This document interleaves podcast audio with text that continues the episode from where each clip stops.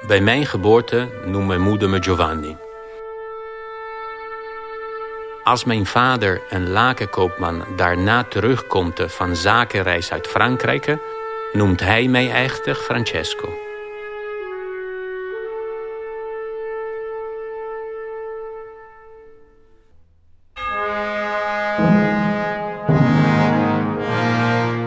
Rond mijn twintigste is er een veldslag tussen mijn geboortestad Assisi en Perugia. Ik word krijgsgevangen genomen en kom na een jaar gelukkig weer vrij. Maar man, wat een beroerde tijden. Ik ben lang en heftig ziek.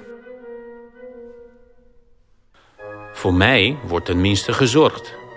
Dat is anders voor mensen met lepra. Ze worden helemaal uit de samenleving verstoten. Het raakt me enorm. Ik besluit mijn leven om te gooien.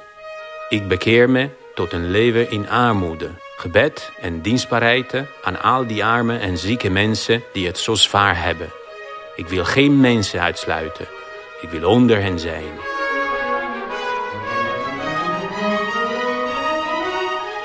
Mijn vader denkt helaas dat ik gek geworden ben. Maar anderen inspireren het juiste. En die sluiten zich bij mij aan. Vanuit het principe om eenvoudig te leven en alles te delen met die armen ontstaat de Franciscane beweging.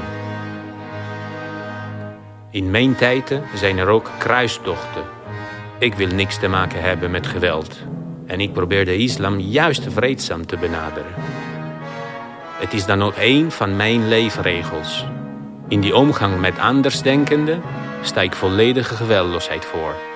Niet alleen fysiek, maar ook woordenstrijd wees ik af. Ik breng een tijd door bij de Saracenen. Ik probeer dienstbaar aan hun te zijn, omdat het mijn overtuiging is dat ik door ons leven samen te delen Gods aanwezigheid in ons midden kan ontdekken.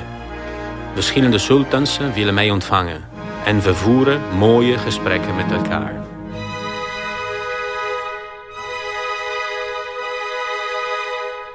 In 1223 organiseer ik een kerstviering met een kribbe en een echte os en ezel. Ik wil de mensen laten zien en voelen in hun harten hoe het kerstkindje daar lag op stro en werd verwarmd door die adem van de dieren. Ik heb een keer voor de vogels gepreekt en heb ook eens een wolven vermanend moeten toespreken. Het dier had mensen aangevallen bij de stad Gubbio. Als ik hem opzoek, vertel ik hem dat hij dat soort frazen uit zijn hoofd moet laten. Ik geloof dat hij er naar geluisterd heeft. Ik zie alle schepselen als mijn broers en zussen. En daar moet je ook wel eens een stevige gesprek mee voeren. Prachtig. En het heeft me zelfs de beschermheilige van de dieren gemaakt. Einde van mijn leven schrijf ik het zonnelied. Een loofzang op de natuur. Het bezingt hoe broeder zon, zuster maan, de sterren en de vier elementen God prijzen. De laatste strofe schrijf ik op mijn sterfbed.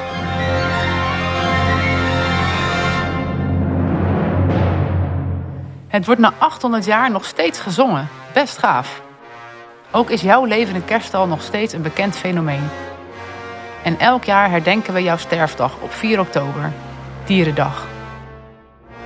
De Italiaanse Marco Gambarini gaf jou zijn stem.